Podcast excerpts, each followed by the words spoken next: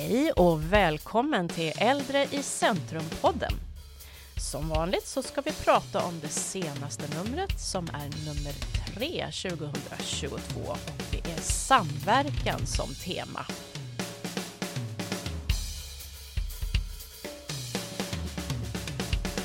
Jag heter Lotta Segelberg och det är andra gången som jag medverkar här i podden, men det är den allra första tidning som jag har gjort och det har jag gjort tillsammans med Maj Engström. Och Micke Mildén. Eh, lite spaning tänkte jag vi kunde ägna oss åt nu. Vi har ju varit på Stockholms demensdag här alldeles nyligen.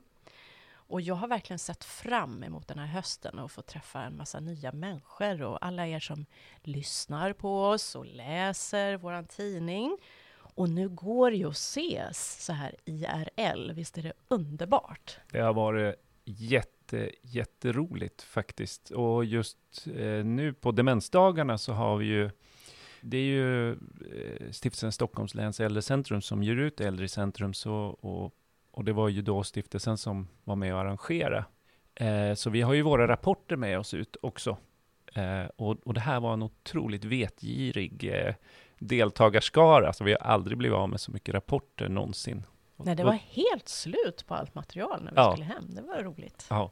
Det jag har märkt av eh, nu när man vågar sig ut igen, det är att man har förlorat lite av hur man ska bemöta andra, tycker jag. jag, jag, alltså, man kommer ju in i det efter ett tag, men i början så står man där och, och stammar sig fram lite. Och, ja, ja, just det, hej, välkommen, hej, hej. Va, vad ska jag göra nu? Jag måste ju sätta igång en konversation på något sätt. Hur gör jag det? Ja, vackert väder? Nej, det är nog inte rätt. Men, men ja, det, det, är ganska roligt att se faktiskt ändå att man har tappat lite, men då finns det en ny chans att lära sig igen. Absolut.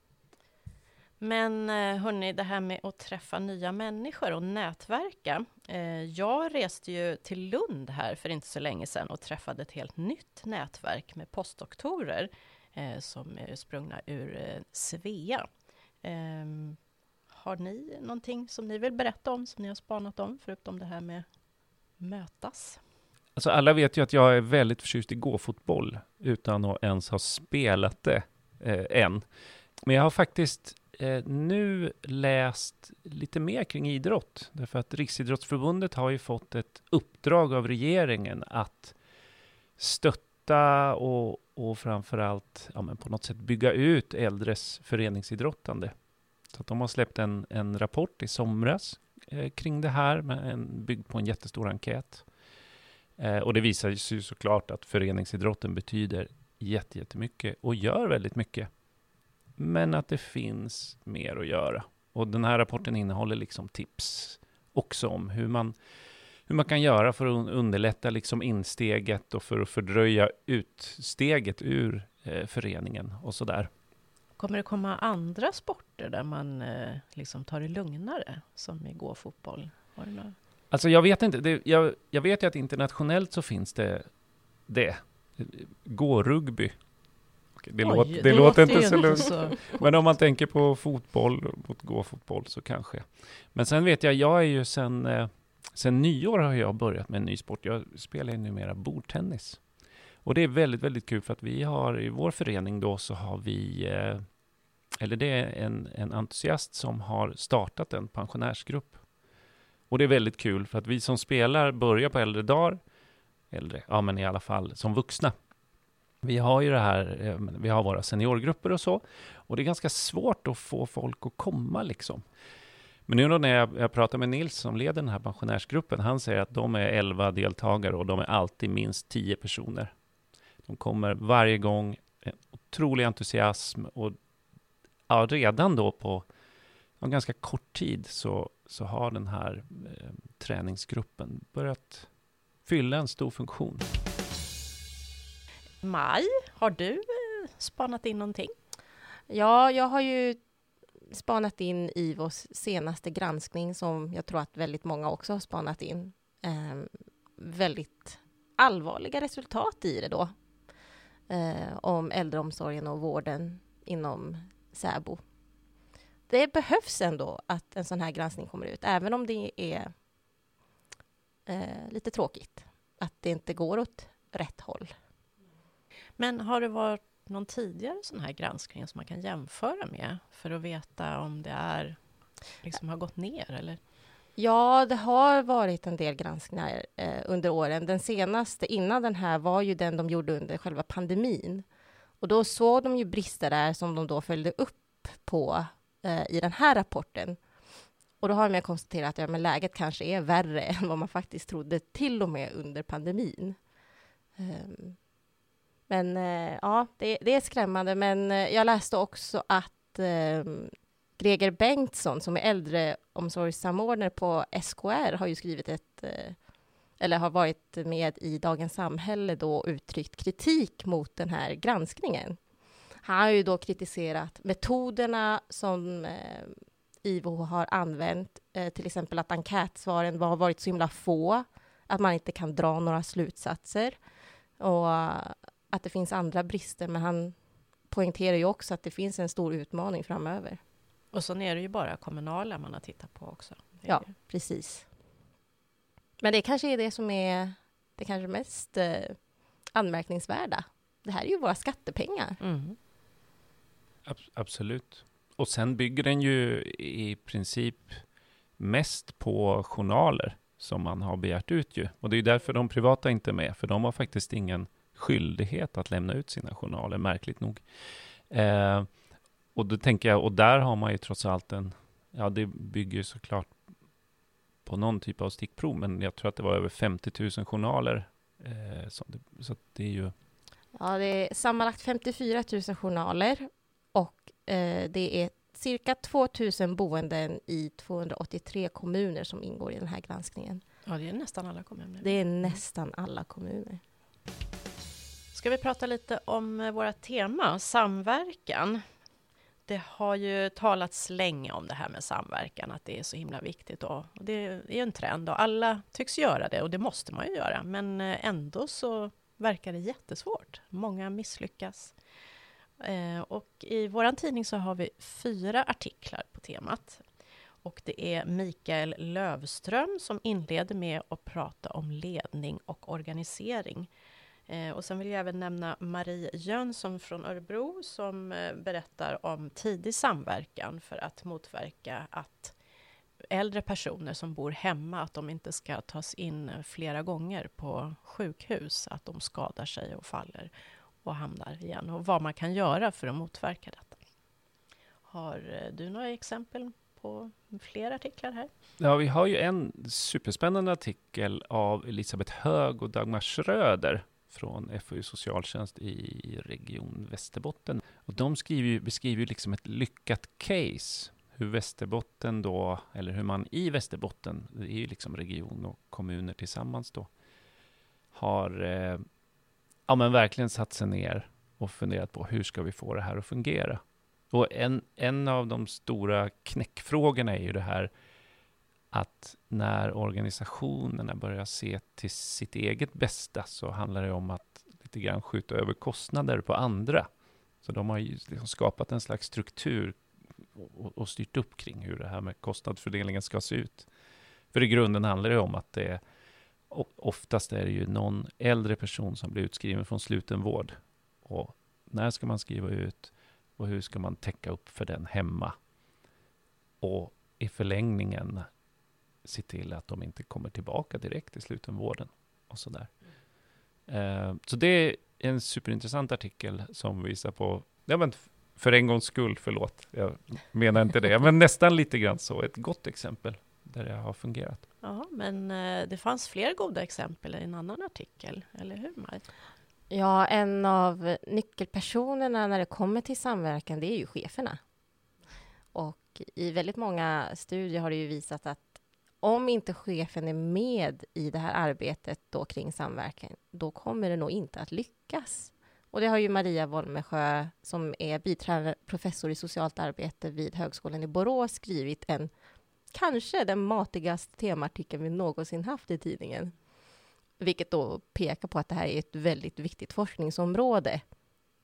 Eh, så den tycker jag att man absolut ska läsa som chef, som ledare inom äldreomsorgen. Ja, ett viktigt tema, får man väl säga. Ja. Micke, annars, vad har du gjort i det här numret? Eh, jag har gjort eh, den långa listan med lästips, som vanligt. Det finns mycket smått och gott där, kika på den. Och dessutom har jag ju intervjuat vårt sista forskningscentrum. Eller jag har intervjuat Karin Lennartsson. På... Det sista, hur menar du? Ja, det sista i vår långa serie Aha. av eh, forskningscentrum då. Och det är Karin Lennartsson på ARC, Aging Research Center, eh, här på KI, skulle man kunna säga. Men det är faktiskt på KI och Stockholms universitet. Så att de sitter ju uppe på Karolinskas campus. Det är väldigt lätt att liksom förknippa ARK med just Karolinska, men faktum är att de är, har lika mycket stöd och tillhör lika mycket Stockholms universitet. Då. Så det är liksom lite så intressant diskussion om hur man visar det och stärker det.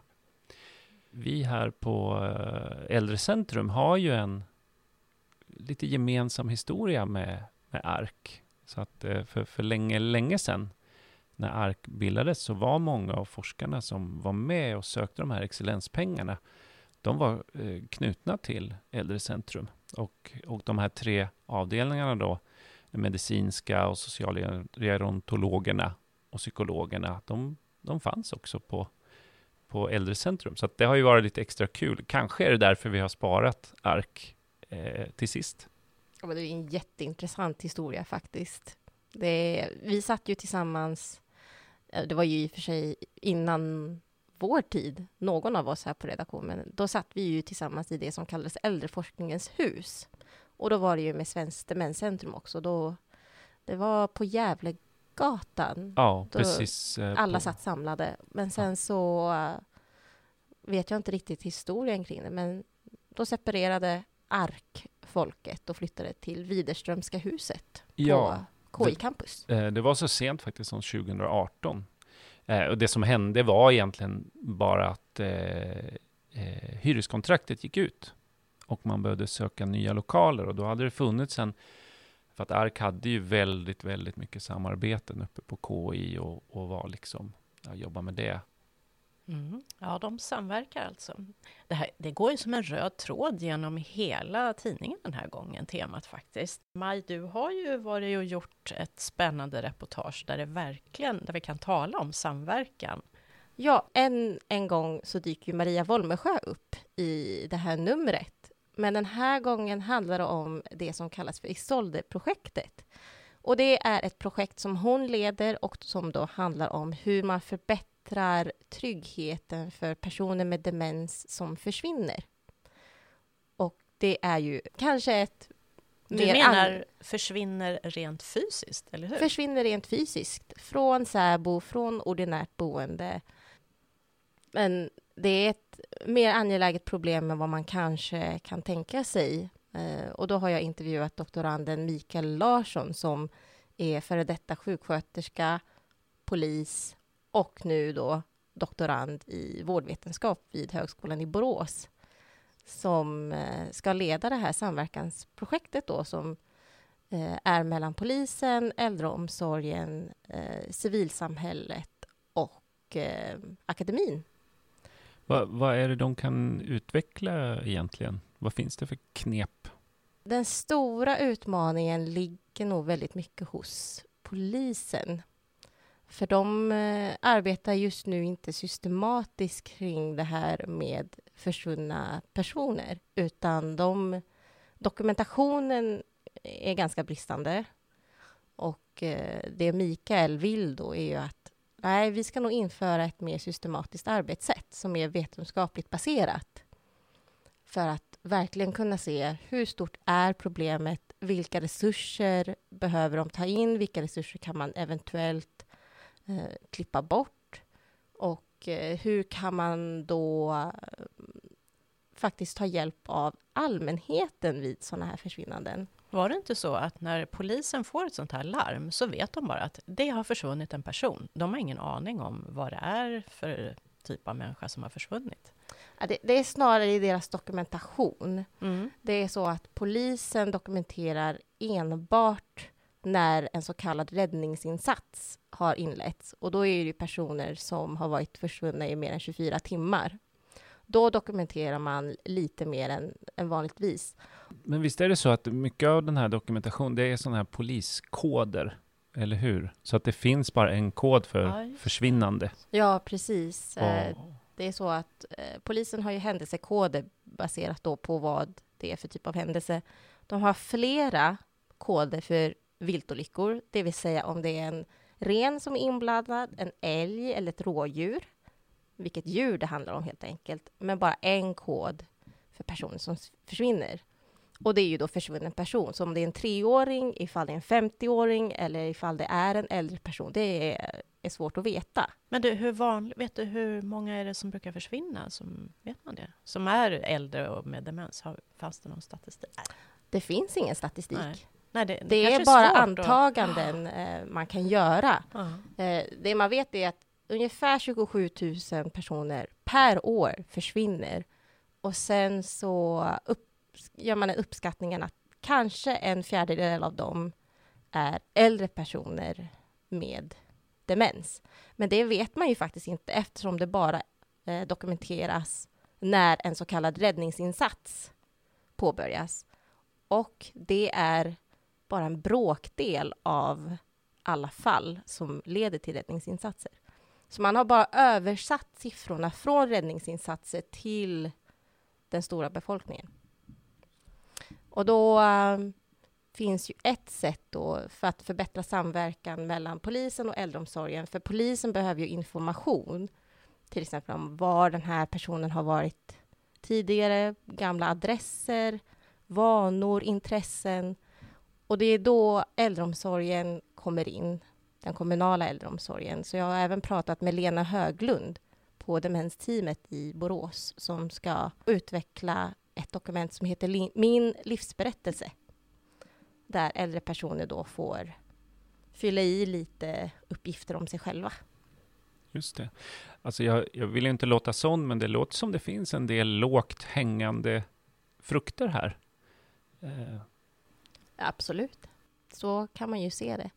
Men det är väl, man vet kanske redan innerst inne vad problemet är, vad som skulle behöva göras, men sen att ta det steget är ju det som är det absolut svåraste. Vill du berätta om något mer du har gjort i det här numret? Ja, vad mer har jag gjort? Jag har ju träffat eh, Lars Christer Hydén som är professor i socialpsykologi vid Linköpings universitet för ett forskarporträtt. Superspännande. Superhärlig. Och han ju vi här på demensdagen precis. Ja, ja, ja. Han är en väldigt karismatisk person som eh, då har studerat eh, demenssjukdomar och kommunikation, om man säger så. Det här språkliga, muntliga, kanske jag ska säga. Hur det hänger ihop. För många med demens har svårt att uttrycka sig eh, språkligt. Det är, så, det är en del av sjukdomen. Men många andra förknippar det som att de inte vill kommunicera, vilket helt är motsatsen. De här personerna med demens vill kommunicera, de gör det bara lite annorlunda. Och det är det som är hans stora forskningsfokus hur personer med demens kommunicerar med andra. Jätteintressant. Eh, Lotta, vad har du gjort?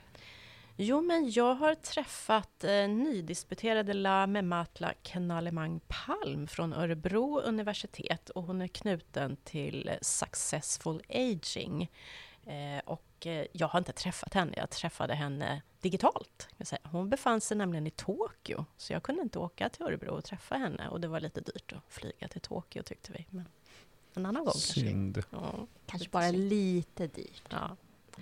Eh, det är lite spännande med henne och hon kommer ju inte från Sverige, hon är från Botswana men flyttade hit för några år sedan för att forska. Och hon har då forskat den här gången på reklam och kvinnor, äldre kvinnor, hur de framställs i media och framförallt eh, såna här dam eller kvinnotidningar som finns eh, spridda över hela världen, engelskspråkiga tidningar.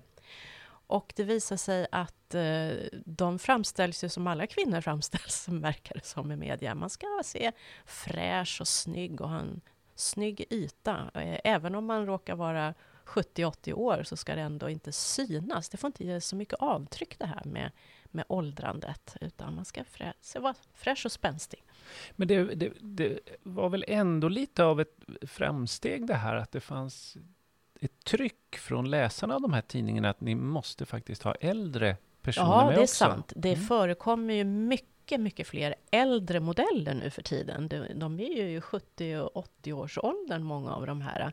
Men eh, jag kan ju säga att de ser inte ut som mina närmsta släktingar som är i den åldern. Och man undrar om de gör det på riktigt eller om de bara framställs här och pressas. Och, eh, men eh, ja, det har hon i alla fall tittat på och vad det kan ligga bakom de här orsakerna till varför det ska vara så här. Och hon vill gärna skapa en förändring och motverka detta, så det är syftet med forskningen.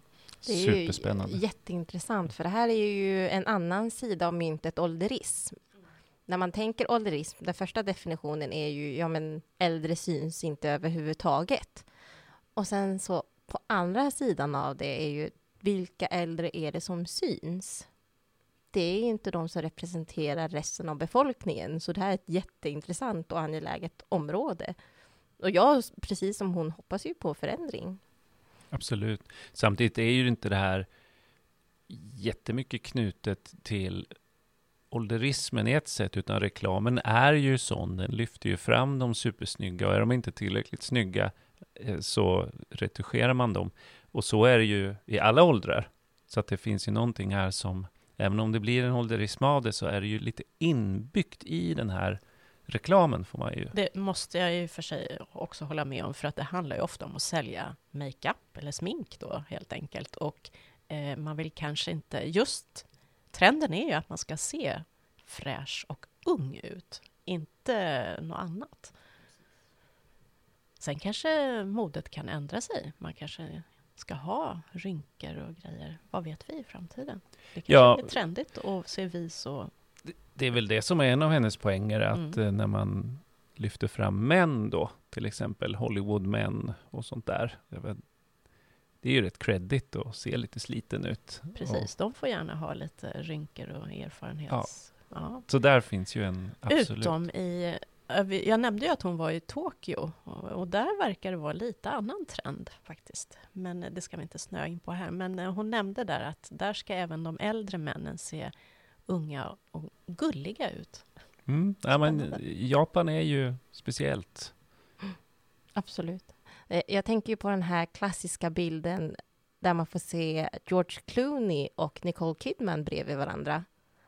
Båda ungefär lika gamla, men Nicole Kidman ser ju kanske 30 år yngre ut. Så det är en tankeställare. Men du Lotta, du var ju nere i Lund också. Ja, precis. Jag var nere och träffade ett helt nybildat eh, forskarnätverk som är sprunget ur Svea, den eh, nationella forskarskolan kring äldre och åldrande. Och nätverket heter SAIN eh, och eh, då är det de här postdoktorerna som har bildat det ur, ur Svea. Och det var Charlotta Nilsen, Caroline Hasselgren, eh, Malin Eriksson och Katarina Melander som drog igång det här nätverket. Och de hade alltså sin allra första träff här nere i Lund och då var vi där. Då träffade jag även Susanne Ivarsson som är koordinator för Svea och hon berättar om hur hon ska stötta nätverket på olika sätt. Och jag passade faktiskt på att spela in henne lite grann, så jag tänkte att vi skulle lyssna till vad hon hade att säga. Ja, förväntningarna är ju att eh, det ska skapa precis det som de själva har formulerat som sina mål. En plattform för den postdoktorala karriärutvecklingen. Och det som jag ser som väldigt viktigt där är just att postdoktorerna själva driver nätverket. De har själva tagit initiativ till det, de söker pengar och det jag gör i min roll som eh, koordinator för eh, Svea och som seniorforskare inom området är att jag försöker fungera som mentor till den gruppen som nu driver nätverket. Att, eh, att bistå med den typen av råd som de själva vill ha och behöver Och så ser jag fram emot att det här kommer att blomstra och locka många postdoktorer eh, vid Svea-lärosätena. Har du något tips på hur de ska göra för att bli framgångsrika och kunna behålla det här eh, så att det utvecklas bra och sådär? Ja, det, det där är svårt med, med, med tips, men eh, det gäller ju att ha, ha tydliga målsättningar och eh, att inte tappa sugen utan att eh, kontinuerligt komma med, med nya intressanta program och idéer eh, och eh, framförallt att att försöka få med så många som möjligt och lyssna till allas idéer och försöka omsätta dem till någonting som är av intresse för framtiden. Ja, förutom att prata med Susanne Ivarsson så träffade jag en till person som ingår i den här seniora referensgruppen och han heter Martin Hyde och kommer från Swansea University. Och han är en guru på sociala medier, förutom att han är forskare. Och han uppmanar oss eh, inom äldreforskningen att vi bör vara mer aktiva på sociala plattformar och i media överhuvudtaget. Vi lyssnar på vad han har att säga. For me, the most important thing is um, connecting with other colleagues. Uh, there's so many people doing the research that we do around the world. Uh, if you were to try to meet them all personally, you'd be doing it forever and a day. Um, so it's a really good way to find out who's doing what, particularly because there are so many people doing so much stuff which is quite similar. Uh, even if you wait for the papers to get published and you have to go and look proactively through all the journals, which there are a growing number of journals, you're likely to miss things. So being able to find out what people are doing as they're doing it is, is fantastic. So the opportunities for collaboration are brilliant. Uh, connecting with people outside of academia, I think, has been the other great skill. Um, so much of what we do, unfortunately, doesn't get into the hands of the people that can use it in practice. Um, so we need to be better at getting our information out there, and particularly to people that aren't going to be reading academic journals or going to academic conferences. So using mainstream media, press like yourself, um, newspaper articles, uh, podcasts, um, appearing on television where that's possible.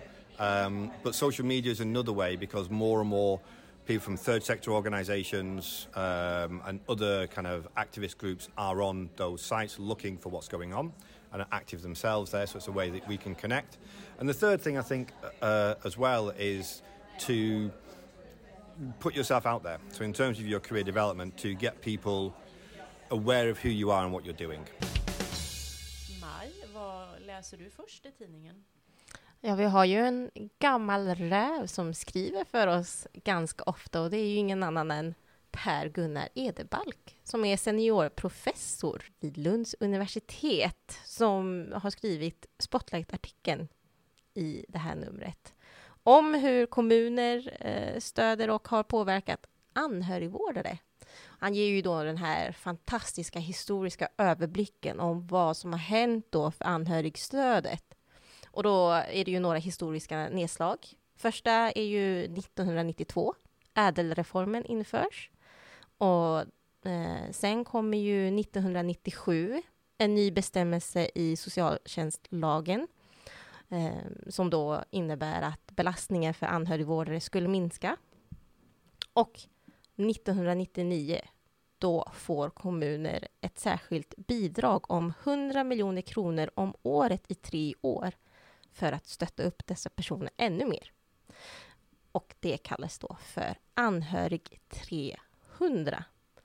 Så de här förändringarna har gjorts under 90-talet för att stödja våra anhörigvårdare som då får ta en ganska stor del av den här vården då för sina närstående. Men en sak att notera är det som stod i socialtjänstlagen när den först kom då, det var nämligen att kommunerna skulle vara skyldiga att erbjuda stöd och avlösning till anhörigvårdare. Och nu ska jag ju inte spoila allt för mycket, men när Anhörig 300 då tog slut, då kom ett, en promemoria om att ändra i socialtjänstlagen. Och det kom då 2008. Och det här kallar ju Edebalk för ett trolleritrick av hög dignitet, för det var det verkligen. För här, det här är betydelsen av ord Det är jätteviktigt. Så det nya förslaget var då att socialnämnden skulle erbjuda stöd eller avlösning för anhörigvårdare. Just det. Ja, då väljer man den enklaste vägen kanske. Exakt, mm. så där blev det ju frivilligt igen att kommuner skulle stödja anhörigvårdare. Men det här klockades ju aldrig igenom. SKL genomskådade ju det här trolleritricket. Och jag tycker att den här Spotlight-artikeln var så otroligt intressant och ändå liksom en tankeställare på hur viktigt det är med ordval. Ja, vi, vi skulle egentligen göra ett särtryck med alla Edebalks eh, spotlights, för att det är just det här, det går ju som en röd tråd, SKL, numera SKRs jättestora inflytande över de här förändringarna och, och, och inte. Och, och dessutom, inte sällan som man tycker att fel politiska sida stödjer ett avigt förslag eh, och tvärtom. Och det finns en massa olika historiska skäl till det här alltid då, som man får läsa om i de här artiklarna. Mm. Jag är ju lite så här avig. Och jag brukar börja bak, för det brukar alltid vara en spännande krönika och så brukar det ofta vara en krönika fram.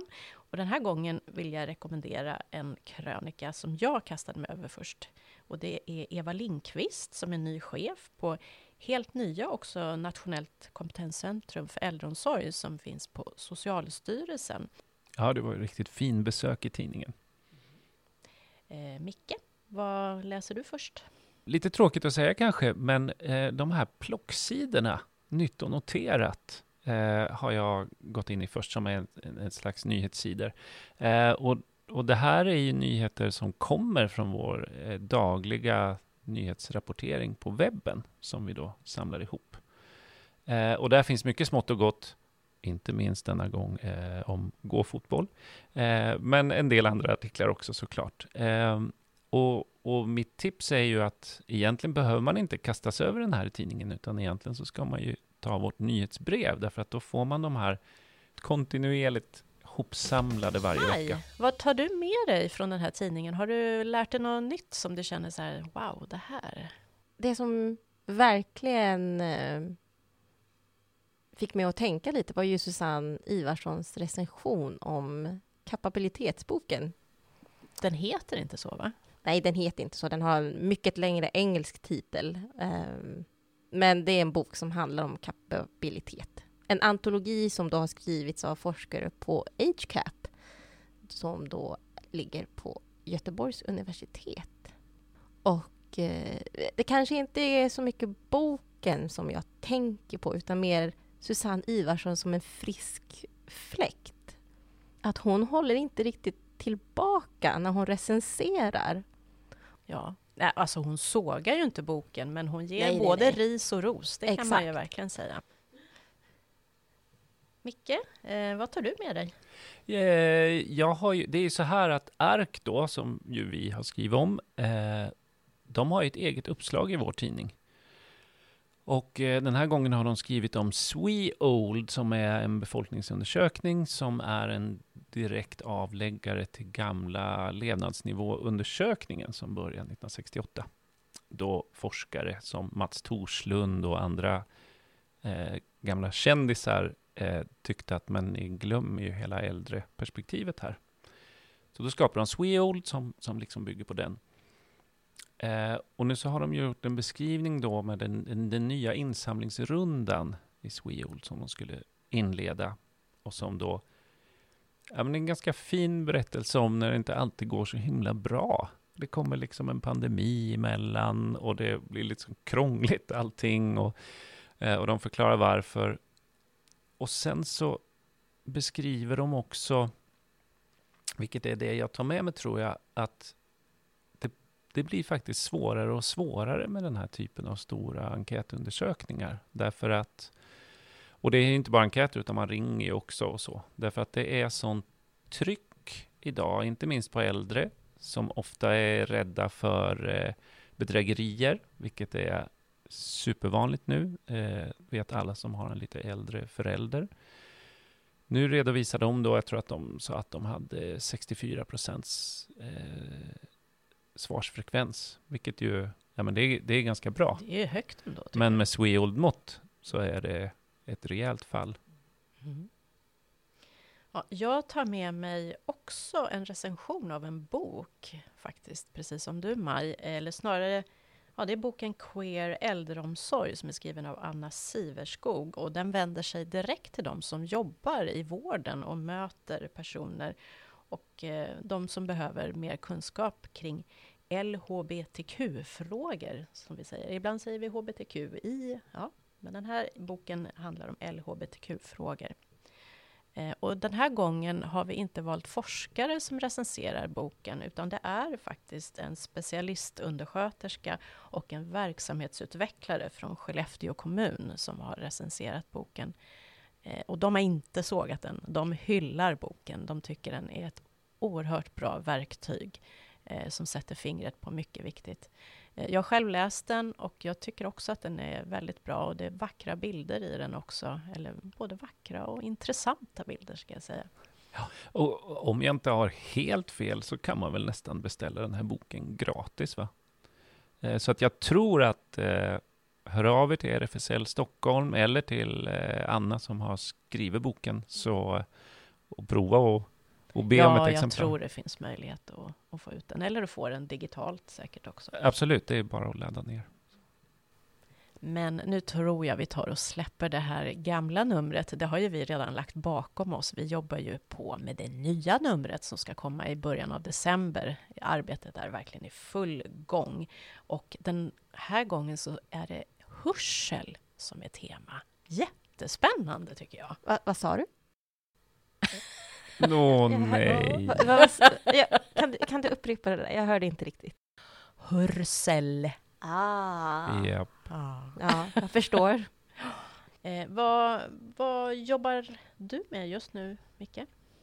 Det är eh, många saker i och för sig, men eh, vi går lite in i en ny fas i årets arbete med vårt vetenskapliga supplement.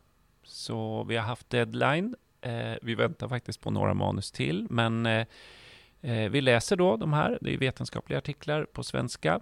Vi läser dem nu och försöker säga bu eller bä och hitta granskare, eller reviewers, som vi säger på engelska.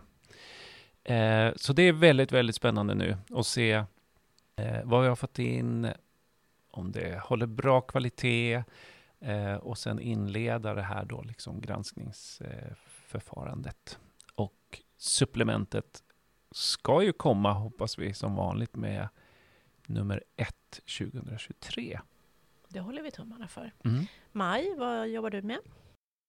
Ja, den här hösten är ju fylld av mässor, konferenser, evenemang eh, där vi ska försöka marknadsföra tidningen lite extra. Men det jag tänker på är kanske det ni lyssnar på nu. Hur det går för den här lilla podden Ja, ja, det är bråttom nu att få ihop den. Det är bråttom att få ihop det här avsnittet och sen är ju frågan hur kommer det se ut med eh, framtida avsnitt? Mm -hmm. Och ni som har lyssnat en, en tid på oss har kanske märkt att det var väl ett tag sedan vi hade lite gäster. Och det um, har det varit, absolut. Det har mest varit vi som pratar. Ja. Men kanske till nästa år att vi får igång lite gästpoddar igen. Ja, det lovar vi. Absolut. Det blir vårt nyårslöfte. Fler poddar nästa år. Ja, men då, det betyder ju också att ni alla har ju hela hösten på er att önska gäster och, och ämnen. Absolut. Mm. Det är bara att skriva till oss eh, med sånt ni vill lyssna på. Ha, vad ser ni fram emot i höst då? Jag eh, tycker det är härligt nu det här med att mingla och vara ute och gå på teater och lyssna på musik och ta del av kultur och sådär. Eh, vad, vad gör du, Maj? Ja, jag är ju en av dem som kanske inte riktigt ser hösten som min favoritårstid, utan jag blickar ju bara framåt till vintern och snön och skidorna. Men eh, det som är lite trevligt med hösten är väl all varm choklad man får börja dricka framför brasan. Mysigt. Ja. Ja, jag eh, tycker redan det har satt igång den här hösten. Det har varit, varit på ganska mycket spelningar faktiskt. Ni vet de här biljetterna som blev uppskjutna under pandemin. Så det har varit mycket med det. Det blir nog mycket läsning också. Jag försöker läsa lite med äldre tema. Så nu, jag har precis avslutat faktiskt Kerstin Thorvalls ja, sista bok kan man säga, Upptäckten, som handlar om när hon eh, ja, faktiskt åldras ganska snabbt eh, och kommer över någon typ av tröskel och allt. Och ni vet ju Kerstin Thorvall är ganska eh, rak ja, i sitt sätt att skriva. Ja. Eh, det finns massor med intressant där om att just att inte ha samma rörlighet längre och samma frihet. Det eh, finns mycket där tankvärt om relationen mellan barn och föräldrar och hur den ser ut och kanske borde förändras eh, och inte förändras med åren och så. Ja, och med det så säger vi tack för idag och hoppas på att vi kanske får träffa er någon gång under alla konferenser här under hösten och vintern. Kom gärna fram och prata med oss och berätta vad ni vill att vi ska ta upp för olika ämnen. Tack och hej! Tack! Tack!